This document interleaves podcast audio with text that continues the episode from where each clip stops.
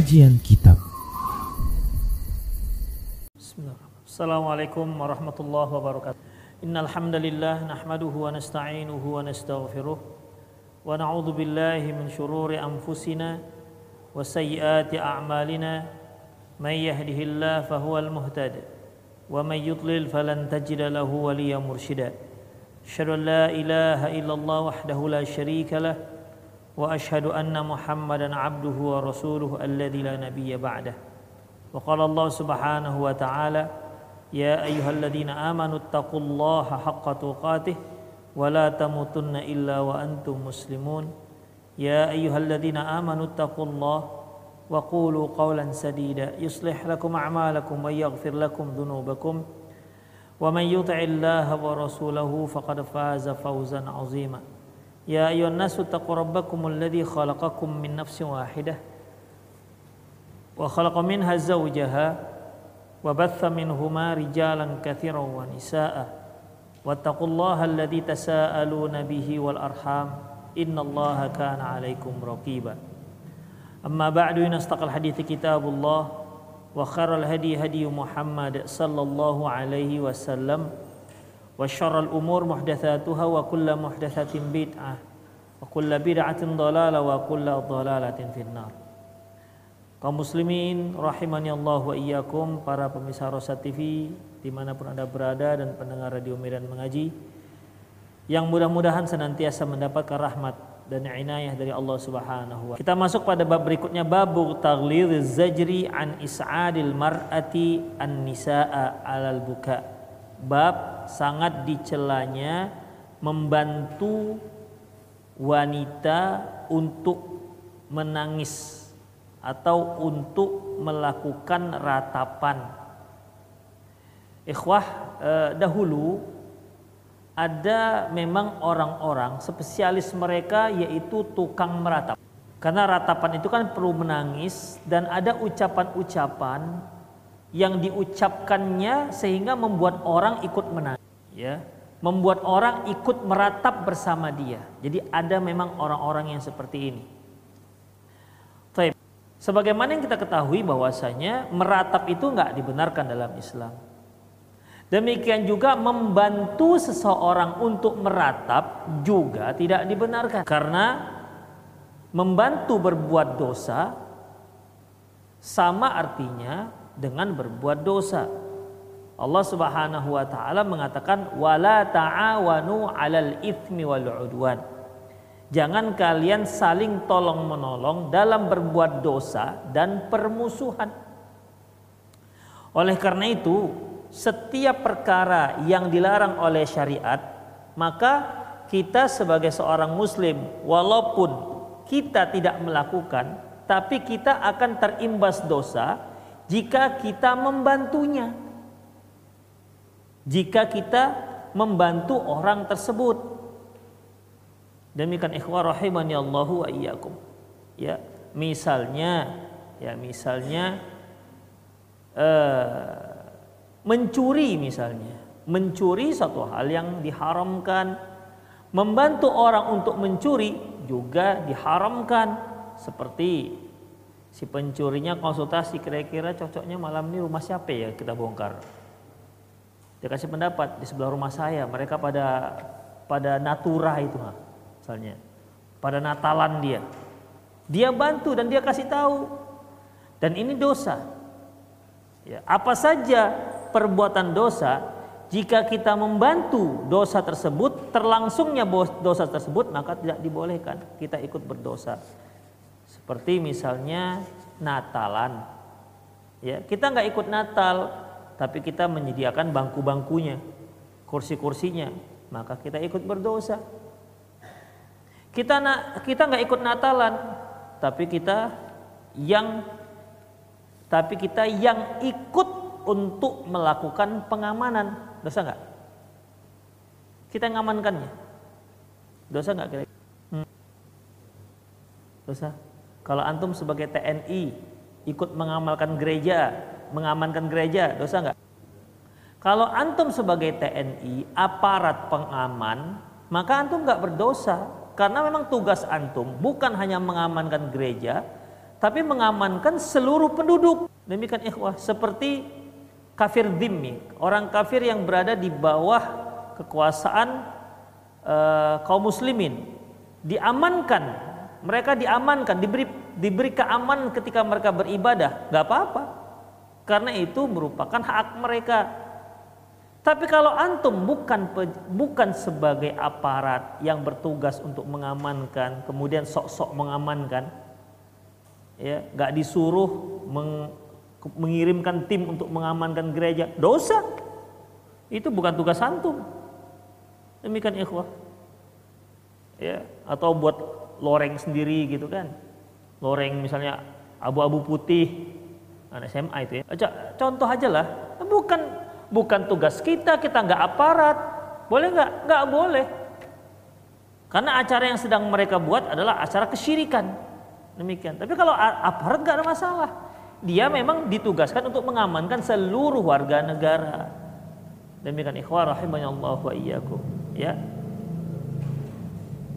Baik, selanjutnya. Demikian juga masalah ini di mana meratap adalah perkara yang diharamkan, bahkan termasuk dosa besar. Baik, membantu mereka untuk mensukseskan mereka untuk e, meratap, membantu mereka untuk meratap, atau dia yang kasih konsepnya.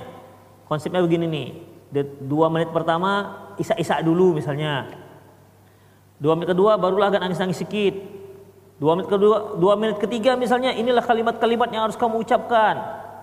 Demikian, ya dia mungkin pengalaman dalam masalah meratap, maka tidak dibolehkan. An Ummi Salamata dari Ummu Salamah Lama mata Abu Salamah ketika meninggal Abu Salamah yaitu suaminya, kultu gharibun wa fi ardi gharibah.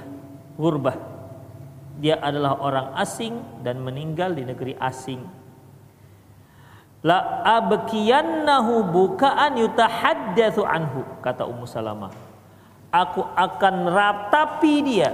Ini aku akan menangisi. Maksud di sini aku akan ratapi karena kalau sekedar menangis tak masalah. Apa definisi menangis ikhwan? Apakah orang menangis harus bersuara? Hah? Nggak harus. Taib. Kalau dia mengeluarkan air mata sudah pasti menangis? Belum tentu. Ada orang keluarkan air mata tapi dikarenakan mengharu biru. Artinya dia sangat gembira. Oke, dia menangis dikarenakan sebuah kesedihan. Apakah sudah termasuk menangis? Sudah masuk menangis, juga menangis, keluar air mata. Ada nggak orang menangis tanpa keluar air mata? Biasanya mereka katakan sudah kering air mataku, gitu sih. Mana pernah ada air mata kering? Ya. Demikian selama masih minum dia tetap ada air mata.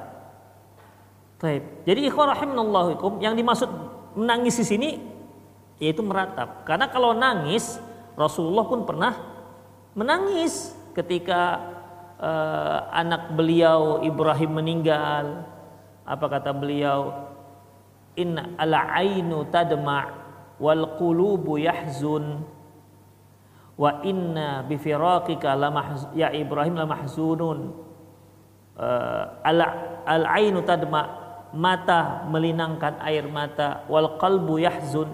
Hati itu bisa bersedih. Wala naqulu illa ma yurdi rabbuna. Dan kita tidak boleh mengucapkan kecuali apa yang diridhoi oleh Tuhan kita. Wa inna wa inna bi firaqika ya Ibrahim la mahzunun sungguh kami dengan perpisahan ini sangat sedih wahai Ibrahim jadi di sini Rasulullah mengeluarkan air mata ketika uh, seorang sahabat bertanya tentang air mata yang dikeluarkan Rasulullah SAW apa kata beliau? Innahul rahmah itu merupakan air mata kasih sayang. Di sini ikhwah la la abkiyannahu bukaan yutahaddatsu bihi. Aku akan tangisi, maksudnya aku akan ratapi si Abu Salamah suaminya yang nanti akan menjadi buah bibir orang. Berarti kan dahsyat ini dia mau niatnya itu dia akan meratap yang ratapannya itu menjadi buah bibir orang. Karena terkadang ikhwah, karena dahulu itu apabila seorang suami istri meninggal suaminya dan dia meratapnya luar biasa, itu salah satu prestasi seorang istri. Tandanya dia setia begitulah. Kenapa? Ratapnya luar biasa. Tiga hari tiga malam gak habis-habis. Itu dia. Jadi dianggap sebagai wanita yang setia. Demikian. La abakiyannahu bukaan yutahaddatsu anhu. Aku akan ratapi suamiku yang akan menjadi buah bibir orang. Berarti kan ikhwah meratapnya juga nggak nggak ikhlas kan? Sudah meratapnya nggak boleh, nggak ikhlas lagi. Karena apa? Ingin agar orang menilai dia adalah seorang peratap, seorang istri yang sangat meratapi suami. Fakuntu qad tahayyatu libukai alaihi dan aku sedang siap-siap untuk menangisi. Bayangkan ikhwah. Jadi ya macam sandiwara kan jadinya. Ya. Ini siap-siap mau nangis nih. Awas hati-hati kalian. Nah, gitu kira-kira. Aku nih mau mau ini mau mau meratap ini. Karena kan ikhwah kalau yang namanya orang sedih menangis itu kan nggak pakai ancang-ancang kan. Ya, nggak pakai ancang-ancang. Tapi tapi dahulu tuh bisa seperti itu. Ya, bisa seperti itu. Id aqbalat ketika aku sudah mulai mulai bersiap-siap untuk meratap, untuk menangis, id aqbalat imra'atun minas sa'idi turidu an tusa turidu an tus'idani. Tiba-tiba datanglah seorang wanita dari daerah Sa'id. Sa'id ini daerah pinggiran kota Madinah. Tujuan dia untuk membantuku dalam meratap dalam menangisi menangisi mayit. Kemudian fastaqbalaha Rasulullah sallallahu alaihi wasallam.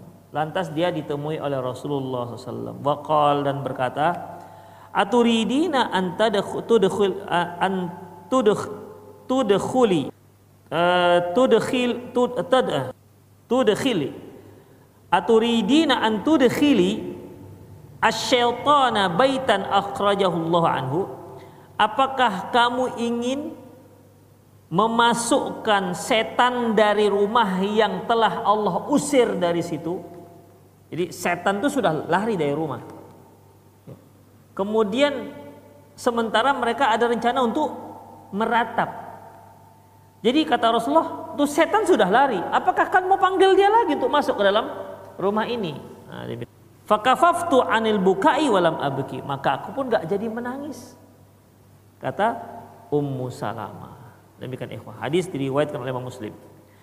An Ummi Atiyata qalat lamma nazalat hadil ayah yubayyi'naka ala alla yusyrikna billahi syai'a sampai pada ayat wala ya'sinaka fi ma'ruf Al-Mumtahinah ayat 12 cukup panjang ayatnya. Qalat kana minhu an-niyahah di antara perjanjian kami kepada Rasul dengan Rasulullah SAW yaitu kami beliau ambil. Beliau mengambil perjanjian dari kami jangan sampai meratap. Ya jangan sampai meratap. Qalat qultu ya Rasulullah illa ala fulan fa innahum kanu as'aduni fil jahiliyah fala budda li an as'adaha an as'adahum an us'idahum Aku berkata kata Ummu Ummu Atiyah, "Ya Rasulullah, kecuali gimana kalau jang, kecuali si keluarga fulan?" Kecuali si keluarga fulan, artinya kan di sini janganlah eh, jangan apa namanya? Jangan meratap. Kata Ummu Atiyah, "Ya Rasulullah, bagaimana eh, bagaimana kalau kita kecualikan keluarga si fulan?" Kenapa? Karena dulu waktu waktu keluargaku ketimpa musibah, dia membantu aku untuk meratap. Jadi ratap meratap itu memang suatu ke, keharusan, ya. Keharusan pada zaman dahulu. Ya, kalau kita sekarang macam mirip gitulah. Ya, macam miripnya. Jadi eh, tahlilan ketika orang meninggal dunia begitu ikhwah. Jadi kalau dahulu meratap. Jadi kalau nggak meratap Mungkin Allah Allah mungkin dianggap seorang istri yang nggak setia. Demikian. Dan terlebih lagi adanya petugas-petugas yang spesialis untuk meratap. Baik. Kemudian ikhwah, kata Ummu Atiyah ya Rasulullah gimana kalau dikecualikan keluarga si fulan karena dia dahulu membantu aku untuk meratap. Waktu zaman jahiliyah, makanya aku ingin membantu mereka sekarang untuk meratap. Faqalat Faqala Rasulullah illa ala fulan. Lantas kata Rasulullah kecuali keluarga si fulan. Oh, berarti masih boleh. Kecuali keluarga si fulan. Dalam hadis ini ikhwah rahimanallahu wa iyyakum ya uh, kesannya berarti Ummu Atiyah masih dibolehkan untuk membantu keluarga si fulan untuk meratap kan gitu jadinya. Padahal meratap itu sudah tidak dibolehkan dan membantu orang untuk supaya dia bisa meratap itu juga nggak dibolehkan. Tapi kali ini Ummu Atiyah ketika meminta kecuali dikecualikan keluarga si fulan alasannya dulu mereka membantu aku untuk meratap waktu zaman jahiliyah dan sekarang aku ingin bantu mereka. Apa kata Rasulullah? Ya sudah keluarga kecuali keluarga si fulan. Berarti boleh. Ya, dari pengecualian itu. Hadis diriwayatkan oleh Imam Muslim. Berikutnya akan akan ada jawabannya. Hadis ini diriwayatkan oleh Imam Nasai. An Anas radhiyallahu anhu qol dari Anas radhiyallahu anhu qala dia berkata, akhadhan Nabi sallallahu alaihi wasallam ala nisa'i haitsu baya' baya'ahunna alla yanuhna Nabi wasallam mengambil perjanjian kepada kaum wanita isinya di antaranya mereka tidak melakukan ratapan terhadap mayat itu di antara perjanjian yang Rasulullah ambil dari kaum wanita. Mengapa dari kaum wanita ikhwah? Karena memang umumnya yang meratap itu kaum wanita. Fakulna kami katakan ya Rasulullah inna nisaan as'adana fil jahiliyah fanusiduhunna fil fil Islam ya Rasulullah dahulu ya dulu itu ada kaum wanita yang memang membantu kami pada masa jahiliyah. Membantu apa maksudnya? Membantu untuk meratap. Ya Rasulullah, dahulu itu waktu zaman jahiliyah itu wanita-wanita itu selalu membantu kami untuk meratapi jenazah-jenazah kami. Kemudian, apakah setelah kami masuk Islam juga boleh kami membantu mereka untuk meratapi? Faqala Nabi sallallahu alaihi wasallam la is'ada tidak ada is'ad. Is'ad itu membantu orang untuk meratap. Sejak masuk agama Islam, sejak sudah memeluk agama Islam, maka tidak ada lagi yang namanya meratap. Haram meratap dan haram juga membantu orang lain untuk meratap.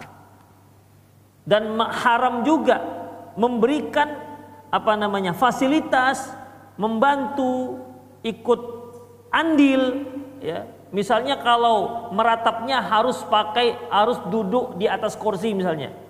Kursinya dia, ini apa nih mau meratap tak? Ada nih tempat aneh ada kursi enak ini untuk untuk duduk ambil meratap enak itu. Dosa dia kalau menyediakan tempat duduk tersebut. Demikian. Gimana kalau kan kalau orang meratap kan nanti haus tuh. Yang menyediakan air minumnya. Mau minum apa bu? Kan mau meratap nih kan? Iya minum apa? Eh, teh manis, eh, kopi susu mau yang mana? Gitu. Dia menyediakan minumnya, gimana? Hah? Boleh nggak? Tetap nggak boleh, ikhwah. Tetap nggak boleh. Demikian. Yang seperti itu bukan dikasih minum, tapi dikasih apa? Kasih apa? Hah? Yang seperti itu bukan dikasih minum, bukan dikasih fasilitas, tapi dilarang. Begitu ikhwah, ya, dilarang. Kalau kita kasih minum dalam rangka itu, maka nggak dibolehkan. Itu termasuk al-is'ad. Ya, termasuk al-is'ad. Tidak ada membantu orang meratap dalam Islam. Berarti ikhwah, nah, hadis yang ini sudah di di apa namanya? dihapuskan dengan hadis yang ini. Nggak ada la is'ad. Tidak ada is'ad. Apa tadi is'ad? Membantu orang lain untuk bisa meratap. La is'ada fil Islam. Tidak ada is'ad dalam Islam. Wala syighar dan juga tidak ada syighar. Ikhwah, syighar ini merupakan salah satu jenis pernikahan. Syighar. Bagaimana jenisnya?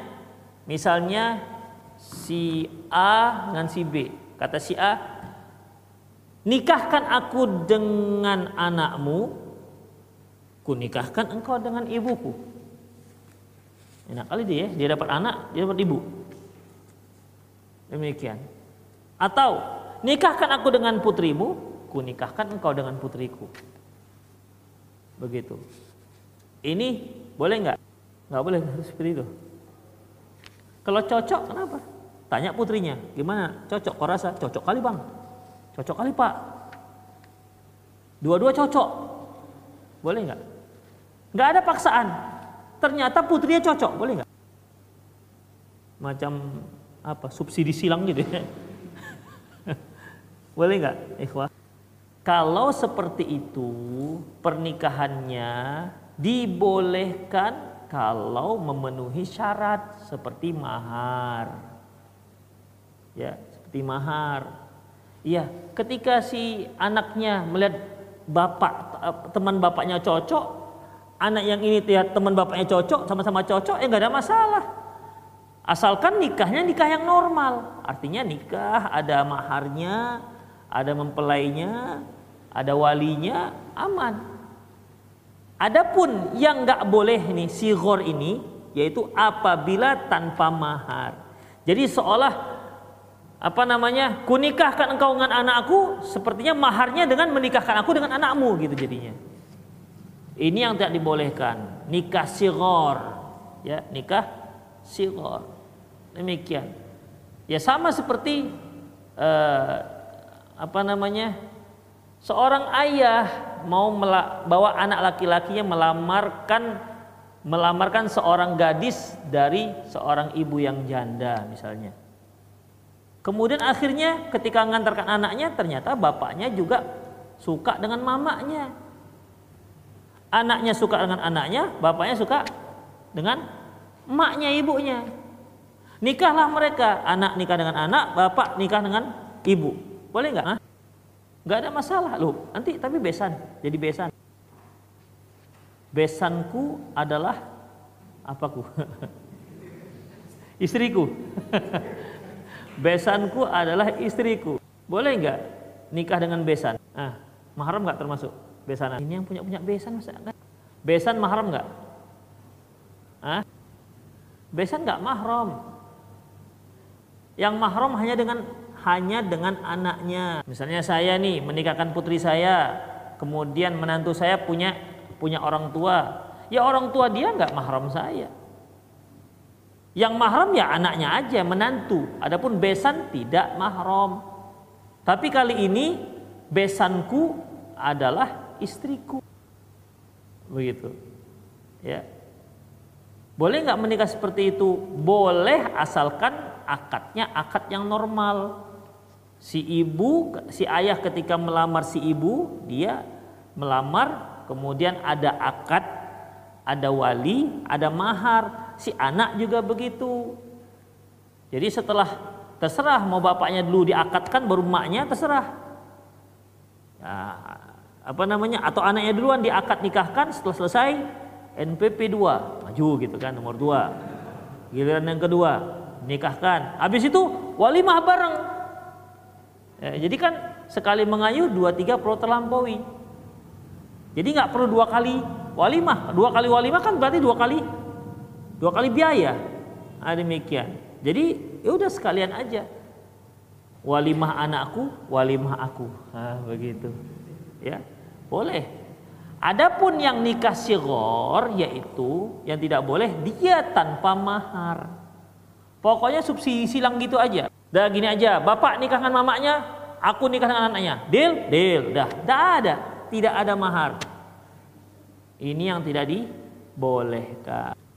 Kalau sama pakai mahar semua, misalnya yang si yang si ayah punya tiga anak laki-laki, tertarik dengan si ayah cocok dengan ibu seorang wanita, dia punya tiga orang putri.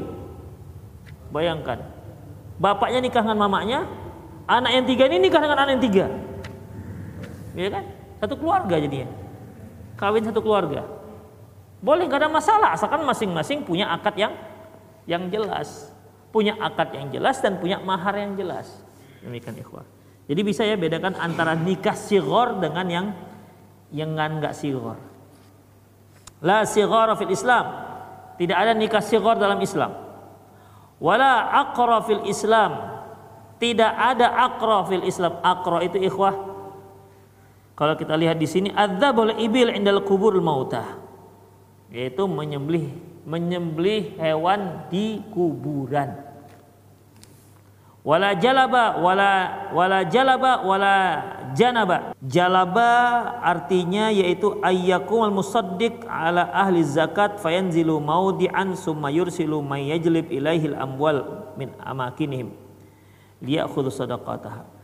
Yang dikatakan jalab ini ikhwah ya yang dikatakan jalab yaitu uh, seorang amil zakat.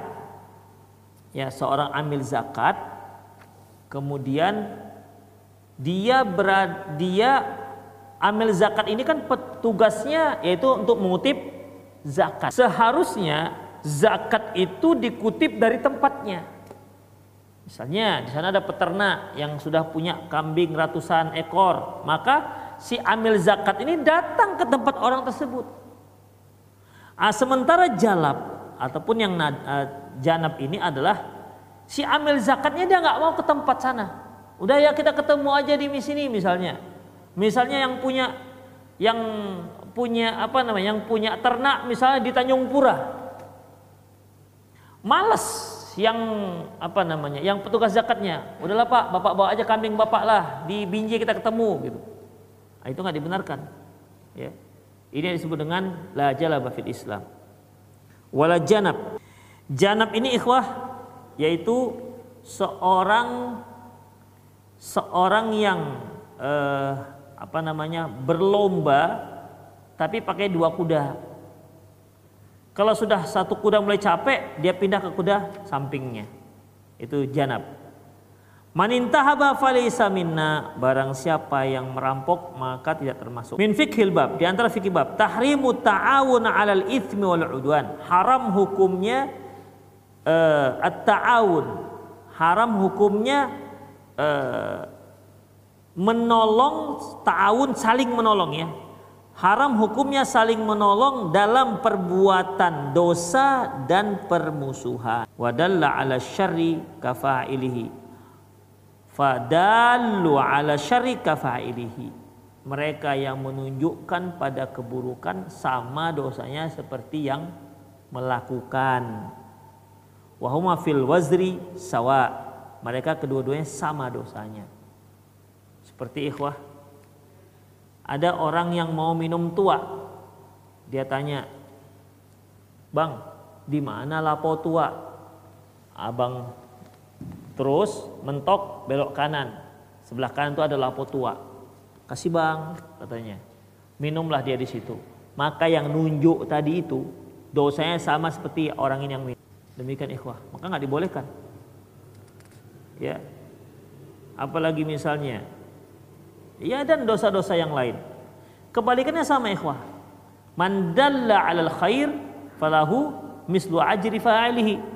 Barang siapa yang menunjukkan kebaikan, maka dia sama mendapatkan pahala seperti pahala orang yang melakukan. Itu dia. Jadi siapa saja yang menunjukkan kepada kebaikan. Misalnya uh, ada yang tanya antum, eh kita di sini di mana ya untuk belajar? Saya belum bisa baca Quran. Di mana ya tempat belajar baca Quran? Tunjukkan. Oh di masjid sana. Di sana ada ada gurunya. Coba kamu ke sana belajar. Dia yang nunjukkan ikhwah. Ya, dia yang nunjukkan. Maka dia dapat pahala. Ya. Maka dia dapat pahala karena dia yang telah menunjukkan pada perbuatan perbuatan baik. Hanya menunjukkan. Hanya menunjukkan. Tapi kalau yang mengajarkan beda lagi ikhwah. Kalau mengajarkan dia nanti akan mendapat amal jariah ya. Di mana pahalanya akan terus mengalir, akan terus mengalir selama orang tersebut melakukan kebaikan yang ditunjukkan tersebut. Demikian ikhwah yang yang diajarkan tersebut. Tapi kalau ini ya ketika dia menunjukkan maka dia seperti mendapatkan pahala orang yang melakukan. Kalau dia menunjukkan yang buruk maka dia mendapatkan pahala, maka dia mendapatkan dosa yang sama. Dua, tahrimul is'ad fil munahat. Haram hukumnya untuk menolong dalam masalah meratap. Wahwa antakumal mar'atu. Yaitu seorang wanita berdiri fayakumu ma'ahan nisa. Dan bersamanya juga ada kaum wanita yang ikut berdiri. Yas'adu yas'adnaha anin Mereka menolong apa namanya membantu untuk untuk berlangsungnya e, ratapan tersebut. Berarti di berarti kalau dahulu berdiri gitu ya, berdiri. Jadi satu orang memeratap dibantu oleh yang lain. Oh, jadi dengan dengan dibantu suara-suara yang yang profesional dalam masalah meratap, akhirnya orang ini jadi bisa bisa ikut meratap. Wa hadhihi min adatil jahiliyatil lati abtalah syara' ini merupakan kebiasaan jahiliyah yang telah dibatalkan yang telah dihapus oleh syariat. Wa harramaha wa syaddada fi dan syariat telah mengharamkan dan sangat mengharamkan. Wala tazalu hadhi sa'adatu sayyi'ah inda katsirin minan nisa. Yang seperti ini sampai sekarang masih saja ada di kalangan kaum wanita. Fayuraddidna fi dzalikal mithl jahiliyan. Dan mereka ulang-ulang ya seperti zaman jahiliyah dulu yaitu dengan ucapan kullu syai'in dinun hatta dumul ain. Semuanya itu akan menjadi agama sampai-sampai air mata yang berlinang pun akan menjadi agama. Jadi di sini ikhwah rahimanallahu wa iyyakum intinya adalah apabila ada orang yang ikut andil untuk mensukseskan untuk menyentuh hati orang yang sedang terima musibah agar dia bisa hingga dia bisa meratap maka orang ini juga mendapatkan dosa meratap begitu. Karena dia yang telah membantu untuk berbuat mungkar. Babu tahrim dzabh ilal kubur. Bab diharamkannya menyembelih di dekat kuburan di sisi kuburan. An Anas radhiyallahu anhu qala dia berkata qala Rasulullah sallallahu la aqra fil Islam. Tidak ada sembelihan di kuburan dalam Islam. Tak boleh kita menyembelih apa pun di di samping kuburan. Qala Abdul Razak berkata Abdul Razak kanu ya'qiruna endal qabri bakratan aw syai'an. Dahulu orang jahiliyah suka menyembelih suka menyembelih sapi ya sapi di dekat kuburan suka menyembelih sapi di dekat kuburan jadi ikhwah ya itu kebiasaan mereka ya kebiasaan mereka Taib. Min fikil bab. Satu, tahrimul dzabh inal kubur mutlak. Haram hukumnya menyembelih di dekat kuburan mutlak, nggak boleh. Di dekat kuburan. Kalau pas di samping kuburan di samping rumahnya kan dekat juga. Maksudnya di sini ikhwah ya yaitu di daerah areal pekuburan. Demikian. Di mana dia menyembelih dengan maksud kalaupun dia bukan areal Misalnya ada satu kuburan, hanya satu-satunya. Ya, hanya satu kuburan di sana. Ya mungkin dianggap dia seorang wali atau dianggap seorang apalah. Akhirnya ada seorang muslim yang menyengaja menyembelih di dekat kuburan itu. Ini yang dibatalkan dalam Islam nggak dibolehkan. Ya, nggak dibolehkan.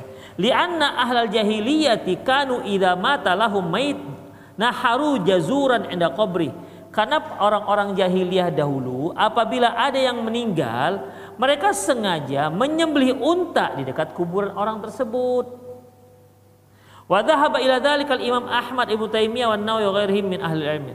Dan pengharaman ini adalah pendapat Imam Ahmad, Ibnu Taimiyah, Imam Nawawi dan lain-lain. Nomor dua, ja'ala ba'dul ulama tauzi' al-khubz wal halawa indal quburi wa huwa al Sebagian ulama mengatakan bahwasanya sama hukum hukum menyembelih uh, apa namanya hukum membagi-bagi membagi-bagi permen membagi-bagi roti di dekat kuburan sama hukumnya seperti menyembelih hewan di dekat kuburan. Demikian ikhwah.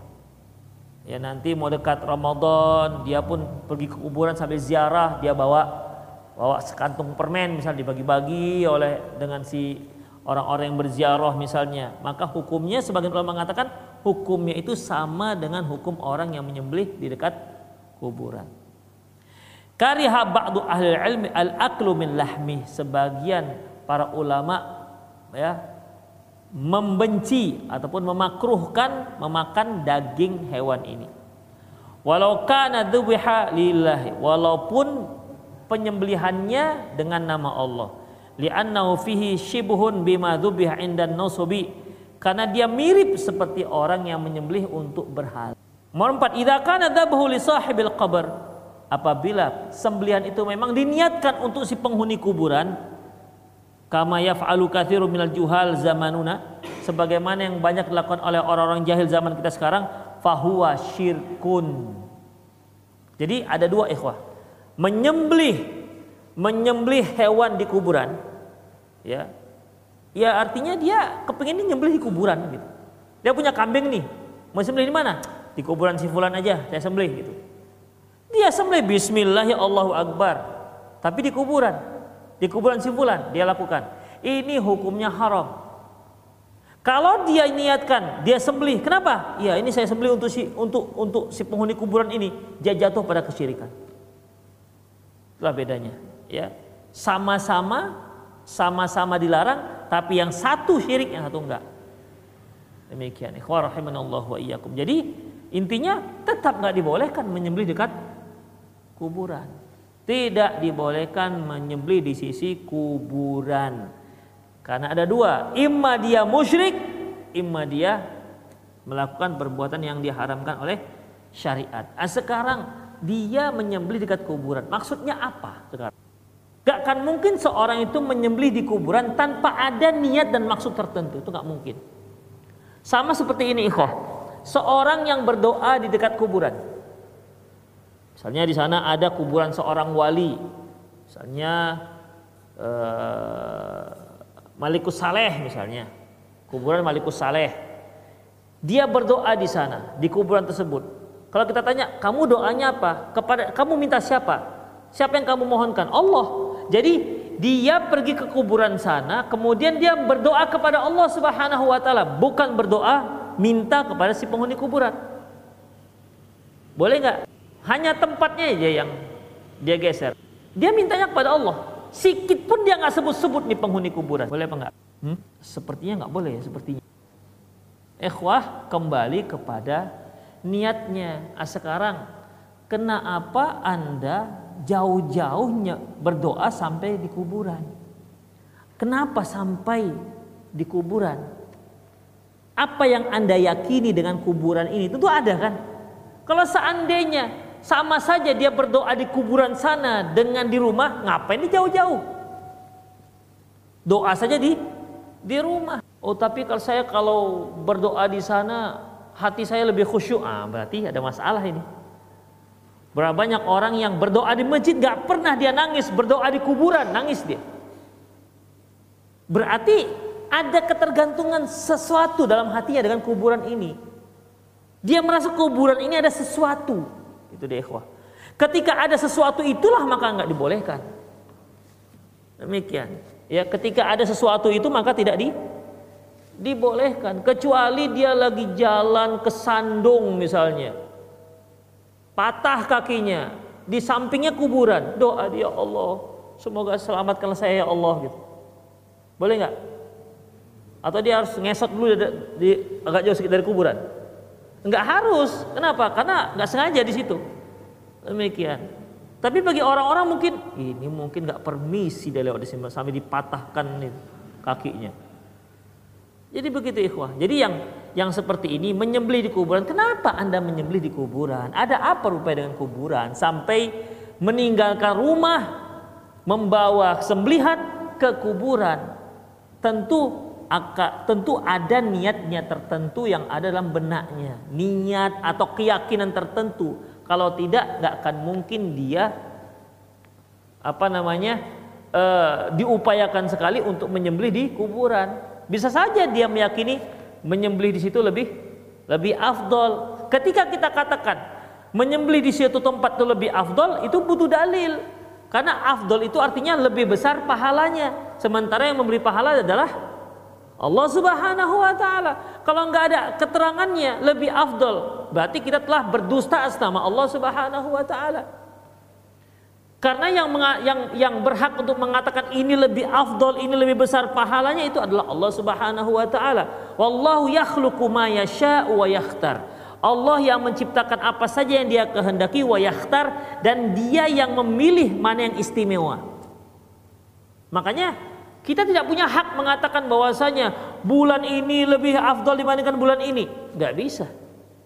Hanya Allah Subhanahu wa taala yang punya hak. Tempat ini lebih afdal daripada tempat ini. Kalau saya katakan sholat di masjid Abu Bakar lebih besar pahalanya, lebih afdal ketimbang sholat di masjid Taubah. Gimana kira-kira? Boleh? Gak bisa. Atau minimal apa dalilnya Ustaz? Kan gitu. Ditanya dalilnya. Kenapa? Karena yang mengistimewakan itu hanya boleh Allah Subhanahu wa taala kecuali Anda punya dalil. Oh iya, kalau di Abu Bakar safnya sampai 10. Kalau di sini cuman satu setengah. Bisa terima? Lebih afdal sholat di sana? Hah? Karena hitungan saf bisa? Hah? Bisa. Bukan karena masjidnya ternyata karena orangnya lebih banyak. Nah, begitu ikhwah. Ya karena Rasulullah katakan man salla idza salla rajulun ar-rajulun ar-rajulun yusalli ma'ahu rajul ahabbu ila Allah azka min salatihi wahdah. Seorang laki-laki salat bersama satu laki-laki lebih baik ketimbang dia salat sendirian. War rajulu yusalli ma'a rajulaini khairun min rajulun min rajulin yusalli ma'a rajulin. Seorang laki-laki salat bersama dua orang itu lebih afdal ketimbang seorang laki-laki bersama satu laki-laki. Fama aktsaru fahuwa indal fahuwa ahabu ilallah. Semakin banyak maka semakin dicintai oleh Allah Subhanahu wa taala. Kalau begitu masalahnya bukan karena tempatnya, tapi dikarenakan banyak yang berjamaah di sana. Demikian ikhwah. Itu bisa terima. Kenapa? Karena ada dalilnya.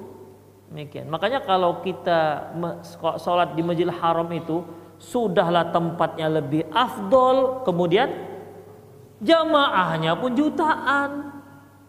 Udah nggak tanggung tanggung. Mana ada jemaah yang bisa melebihi jemaahnya Masjid Nabawi dengan Masjid Haram. Demikian ikhwah dalam sholat sehari-hari. Demikian ikhwah. Ya. Kenapa Masjid Haram lebih afdol? Yang kata Rasulullah sholat saat sholat satu kali di Masjid Haram sama dengan seratus ribu di masjid-masjid yang lain. Kenapa? Mengapa demikian? Siapa yang menetapkannya? Allah yang menetapkan. Demikian, bukan kita. Allah yang menetapkan. Makanya ikhwah, nah sekarang berdoa. Tempat yang paling afdol berdoa di mana? Hmm. Seperti di padang Arafah di tanggal 10 Dzulhijjah. Harus ada dua. Padang Arafah di tanggal 10 di tanggal 9 Dzulhijjah. Kalau di padang Arafah di tanggal 1 Muharram enggak. Ya. Atau tanggal 9 Dzulhijjah tapi di pesantren Darul Arafah enggak juga. Dia harus di padang Arafah di tanggal 9 Dzulhijjah itu tempat. Demikian. Mengapa demikian? Allah lah yang telah memberikan keistimewaan melalui lisan Rasulullah sallallahu alaihi wasallam. Demikian ikhwah rahimani Allah wa. Ya, jadi dalam masalah ini ya dalam masalah ini gak dibolehkan haram hukumnya menyembelih hewan di dekat kuburan dengan niat apa pun dan lebih parah lagi kalau niatnya menyembelih untuk si penghuni kuburan itu sudah masuk kepada kesyirikan.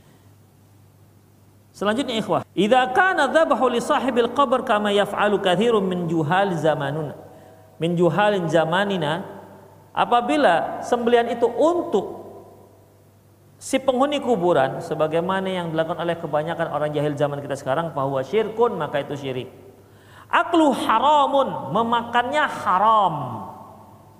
Wa fiskun dan fisik sebagaimana firman Allah Subhanahu wa taala wala ta'kulu mimma lam yudhkar ismullahi alaih innahu fiskun janganlah kamu memakan daging yang tidak disebutkan nama Allah sungguhnya itulah perbuatan fasik. Al-An'am ayat 1 2 21. Demikian ikhwah rahimani Allah wa iyyakum. Ya, jadi tidak boleh menyembelih di dekat kuburan. Ya, walaupun kita tidak niat apa pun. Ada seorang bernazar. Dia bernazar akan menyembelih hewan bibuana. Buana itu nama tempat. Kemudian dia tanya Rasulullah, apakah saya boleh melaksanakan sembelian ini, nazar ini? Kata Rasulullah, hal fihi wathanun yu'bad apakah di sana ada uh, berhala yang disembah pertanyaan tadi apa apa tadi pertanyaannya Ya boleh nggak menyembelih? Dia kan ini bernazar. Bernazarnya menyembelih hewan di buana. Itu pertanyaannya.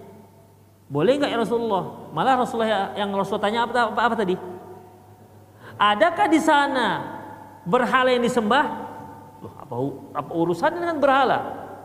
Oh pertanyaannya saya mau melaksanakan nazar di daerah Buana, boleh apa tidak? Boleh Rasulullah tanyakan, apakah di sana ada ada ada berhala yang disembah? Ada ya Rasulullah. Kalau begitu jangan kamu sembelih di sana. Kenapa? Tasyabuh dengan orang-orang yang menyembelih untuk berhala. Makanya dilarang Rasulullah SAW. Padahal sahabat ini kan dia nazar bukan menyembelih dengan maksud untuk untuk berhala. Tapi karena di situ ada berhalanya yang disembah orang, akhirnya Rasulullah larang, jangan kamu sembelih di sana, cari tempat lain. Karena kalau disembelih di sana berarti kamu mirip menyerupai orang yang menyembelih atas nama berhala yang disembah di tempat tersebut. Demikian ikhwah rahimunallah. Ngerti ya? Nah, demikian. Itulah tindakan preventif. Oke lah bapaknya kalau dibolehkan, oke lah bapaknya menyembelih bukan karena bukan dikarenakan apa? Ada berhala di sana. Memang dia nazarnya seperti itu. Saya nanti kalau anaknya mau hamil gimana? Oh bapakku saja nyembelih di sana. Padahal di sana ada ada berhala. Ya jangan-jangan memang bolehnya menyembelih untuk berhala difahami oleh si anak. Makanya Islam itu benar-benar menutup semua perbuatan jalur-jalur yang dapat menjerumuskan seorang jatuh kepada kesyirikan. Itulah tindakan preventif dalam Islam yang sangat ketat. Apabila Islam mengharamkan sesuatu, maka semua jalur yang menuju ini dikat habis.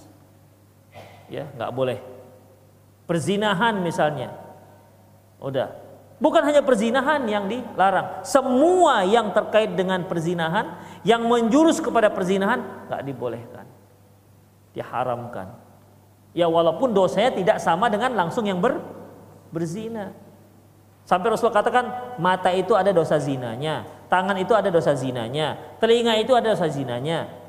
Kenapa? Karena yang demikian ini yang akan mengarah pada perzinahan yang hakiki. Dosa yang paling besar adalah dosa zina yang hakiki, yaitu lakukan hubungan hubungan suami istri yang tidak halal. Dua orang yang melakukan hubungan yang tidak halal, itulah perzinahan. Tapi dari awal sudah di dikat. Demikian juga nggak boleh dua-duaan. La yaqluwanna rajulu bi imratin illa syaitan. Tidaklah seorang wanita, tidaklah seorang laki-laki yang e, berduaan dengan seorang wanita kecuali yang ketiganya setan. Kemudian dilarang juga lihat-lihat cewek. Begitu. Untuk apa? Iya, untuk menjaga hati. Karena bagaimanapun perzinahan itu muncul dari mana? Awal mualas dari mana? Dari dari mata. Ya dari mata. Ya seperti kata orang dari mana datangnya lintah. Ya kan gitu. Dari sawah turun ke kali. Dari mana datangnya? Zina. Dari mata turun ke hati. Kalau hati tinggal apakah dibenarkan oleh kemaluannya apa tidak?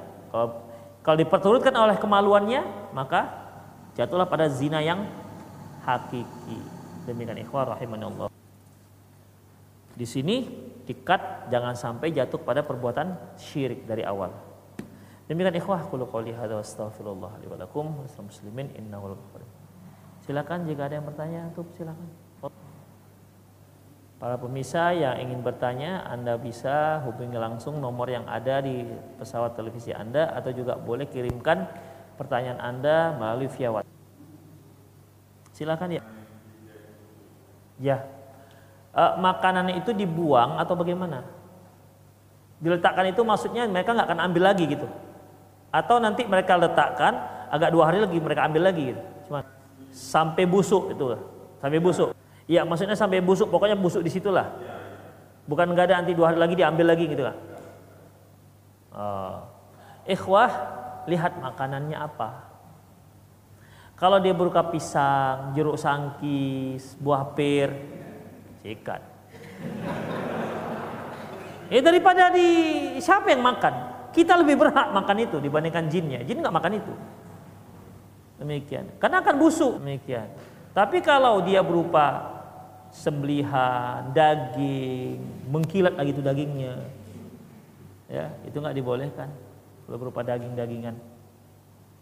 Ya, tapi kalau berupa buah-buahan tadi boleh diambil. Ya, daripada mubazir kan? Daripada busuk di luar, busuk, busuk di dalam. Boleh. Dan marah nggak dia kalau diambil? Marah nggak kalau diambil? Hah? Marah pak? Oh kalau marah jangan. Kalau nggak marah boleh. Tanya, bang ini boleh diambil? Boleh, boleh, boleh, boleh. Ambil aja. Kalau kalau perlu sebelum diletak, dah sini aja sini bang. kalau marah jangan. Ya. Tapi setahu saya sesajen itu tidak lagi buah betulan sekarang. Dia sudah buah plastik. Jadi nggak busuk-busuk itu. Kalau udah buah plastik. Dan kalau waktu kecil saya dulu di Sukarami itu kan banyak orang Chinese, orang Buddha. Itu memang masih bagus-bagus buahnya, apel gitu. Tapi sekarang sepertinya enggak itu lagi.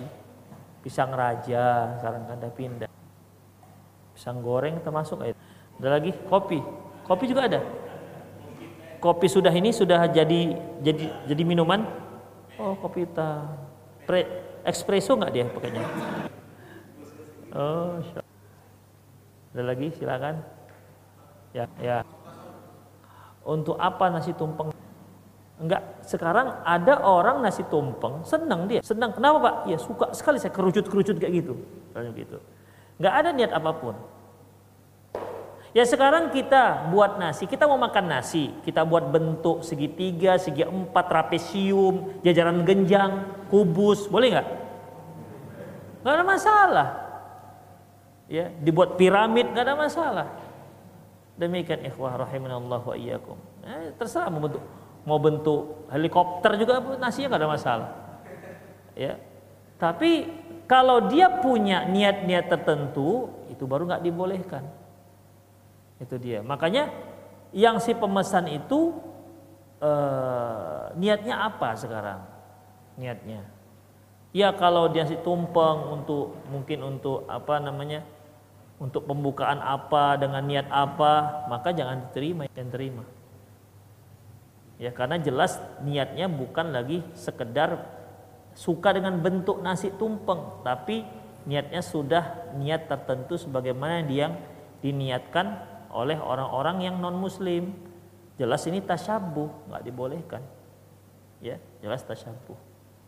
Dan sebagai tindakan preventif kita tidak usah pesan nasi tumpeng kalau ada tamu, nggak usah dibuat tumpeng. Tumpeng itu kan apa ya kan? Apa namanya? Bentuknya apa namanya?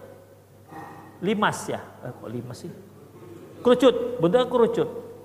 Ya kan? Ah, antum jangan buat kerucut, buat trapesium, agak bengkok. Demikian. Jajaran genjang. buat bentuk jajaran genjang atau buat macam piramid. Ya kan? Kan gitu juga runcing juga. Untuk apa? Sebagai tindakan preventif. Nanti kalau kita buat begitu, anak kita lihat, oh dulu ayah dia suka pesannya nasi tumpeng. Demikian akhirnya mereka nanti punya tafsiran-tafsiran tersendiri. Gitu dia gara-gara kebiasaan-kebiasaan akhirnya punya tafsiran sendiri. Nanti kalau udah ke cucu nanti lebih berkembang lagi tafsirannya. Pantas kakek kaya. Setiap bulan Muharram mereka makannya pakai nasi tumpeng. Udah, nanti cucutnya lagi, cecetnya lagi punya apa namanya tafsiran-tafsiran tersendiri. Kan sama seperti kisah Nabi Nuh alaihissalam. Kaum Nabi Nuh yang di mana tiga uh, lima patung Suwa, Yahud, Yauk, Nasro. Ya, ada ada lima patung yang disebutkan surah Nuh. La tadharunna alit wa la tadharunna waddan suwa'an Yahud, Yauk, Nasro. Ada lima lima orang ini tadinya adalah orang soleh. Kemudian setelah lima orang ini meninggal, ya mereka termasuk public figure pada waktu itu, menjadi orang apa namanya uh, uswah, tauladan bagi penduduk waktu itu. Penduduk-penduduk itu sangat sayang dengan cinta dengan dengan lima orang soleh ini. Setelah lima orang soleh ini meninggal dunia, setan bisikkan, buatlah patung, sebagai tanda sayang kalian mengenang jasa-jasa mereka. Akhirnya dibuat patung. Hanya sekedar untuk mengenang jasa, untuk mengenang bagaimana kesolehan mereka. Jadi masyarakat ketika melihat patung itu ikut bangkit semangat untuk beribadah kepada Allah Subhanahu wa taala. Sama sekali tidak ada niat untuk di, disembah. Kata Ibnu Abbas fatala alaihimul amad setelah zaman berganti zaman nasiyal ilm nusia ilm ilmu yang tadi yang sebenarnya hanya untuk sebagai pengenang bukan untuk disembah itu hilang sirna hingga akhirnya fayu'bad akhirnya patung itu jadi disembah demikian ikhwah Makanya dalam Islam benar-benar agama yang sangat ketat dalam masalah ini. Gak boleh buat patung. Eh, tapi niatnya kan ini sekedar sekedar hiasan. Uang cuman apa namanya bangau putih di depan di depan rumah disembah orang. Ya kita nggak tahu ke depannya bagaimana. Jangan-jangan bangau putih itu tetap di situ selama 200 tahun. Nanti 200 tahun kemudian jangan-jangan sudah ada sesajian di situ yang dilakukan oleh cucu-cucu kita. Apa? Cucunya cucu kita. Cicit cucunya lagi. Demikian. Demikian. Wah ini kenapa bangunnya ini kok dia tetap awet. Berarti nah kan begitu udah. Ditafsir yang aneh-aneh padahal dulu hanya sekedar hiasan untuk depan rumah begitu supaya cantik gitu aja asri terlihat lebih lebih indah makanya tidak dibolehkan kalau antum mau juga buat patung, bangun itu patahkan kepalanya, tinggalkan leher. Boleh, nggak masalah. Itu caranya ikhwah. Makanya nggak boleh di, apa namanya buat gambar-gambar lukisan manusia dan hewan dan buat patung haram hukumnya, nggak dibolehkan. Itu tindakan preventif agar menghindarkan kaum muslimin dari perbuatan syirik ku belakang Ada lagi? Apakah kendaraan seperti mobil yang kita miliki lebih dari setahun wajib dikeluarkan zakat? Ikhwah, benda-benda yang kita pakai, eh, kendaraan, rumah, walaupun harganya cukup fantastis, namun nggak dikeluarkan zakatnya. Misalnya, saya punya baju gamis. Ini gamis ini saya beli harganya hampir 150 juta. Kenapa? karena ini peninggalan khalifah apa gitu kan. Kan bisa mahal kan? Ini gamisnya Harun Ar-Rasyid misalnya begitu kan. Kan jadi mahal ya karena ada benda sejarahnya. Ada nilai sejarahnya. Saya beli 150 juta. Kan sudah lebih nisab kan? Maka enggak, enggak termasuk ada zakat. Contoh demikian. Atau emak-emak yang beli beli apa namanya tas harga 200 juta. Tas saja 200 juta harganya Iya, bagi mereka nggak masalah yang banyak duit. Bagi kita 200 juta ya beli tanah. Hmm. Atau ada yang niat mau nikah lagi 200 juta. Ada demikian ikhwah. Jadi dalam masalah itu, dalam masalah itu ya kalau dia pakai nggak ada masalah. Dia dia dia tidak dizakati. Mobil misalnya, berapa mobilnya? 10,8 M. Beli Ferrari dia. Demikian, 10,8 M. Dia pakai sehari-hari lewat di Prona, parkir di sini mau sholat misalnya gitu kan. Gimana? Apakah dikeluarkan zakatnya? Enggak karena dipakai. Atau rumah yang dipakainya? Rumah yang dipakainya. Berapa harga berapa itu rumah ya paling harga-harga 25 miliar. Demikian kamarnya 16 yang dipakai cuma dua. Demikian ikhwah jadi gimana? Enggak. Ya. Jadi yang dizakati itu ikhwah harta harta yang seperti uang kemudian emas itu dia. Kalau dia punya perdagangan eh, maka uang harta dagangnya itu di dizakatkan. Macam tadi itu. Dia punya mobil tapi mobil yang diperdagangkan jual beli mobil dia. Berarti bukan mobilnya yang dijadikan sebagai keluarkan zakat tapi sebagai dia mobil sebagai barang dagangan itu zakat tijaroh zakat perdagangan rumah nggak ada zakatnya. Tapi kalau memang dia jual beli rumah, dia buat properti, kemudian dia jual, berarti itu menjadi zakat tijarah, zakat perdagangan. Tapi kalau rumah yang dia pakai, dia punya rumah enam misalnya, dipakai semua, atau satu dibiarkan kosong gitu. Apakah dizakatkan? Enggak. Demikian ya. Allah Apakah kalau kita sholat selesai baca Al-Fatihah terus amin? Apa yang harus apakah harus membaca bismillah lagi untuk melanjutkan bacaan? Allah alam bisawab uh, ucapkan lagi bismillah ya sebagai pemisah antara Al-Fatihah dengan yang yang lainnya. Tapi tidak lagi baca a'udzubillah. Beruduk boleh hanya sekali-sekali saja dikarenakan sering batal karena kentut. Syukur. Boleh nggak ada masalah. Ya, asalkan sempurna. Jadi dia baca, jadi dia e, membasuh ke wajahnya itu tiga kali kan, tapi satu kali sempurna boleh.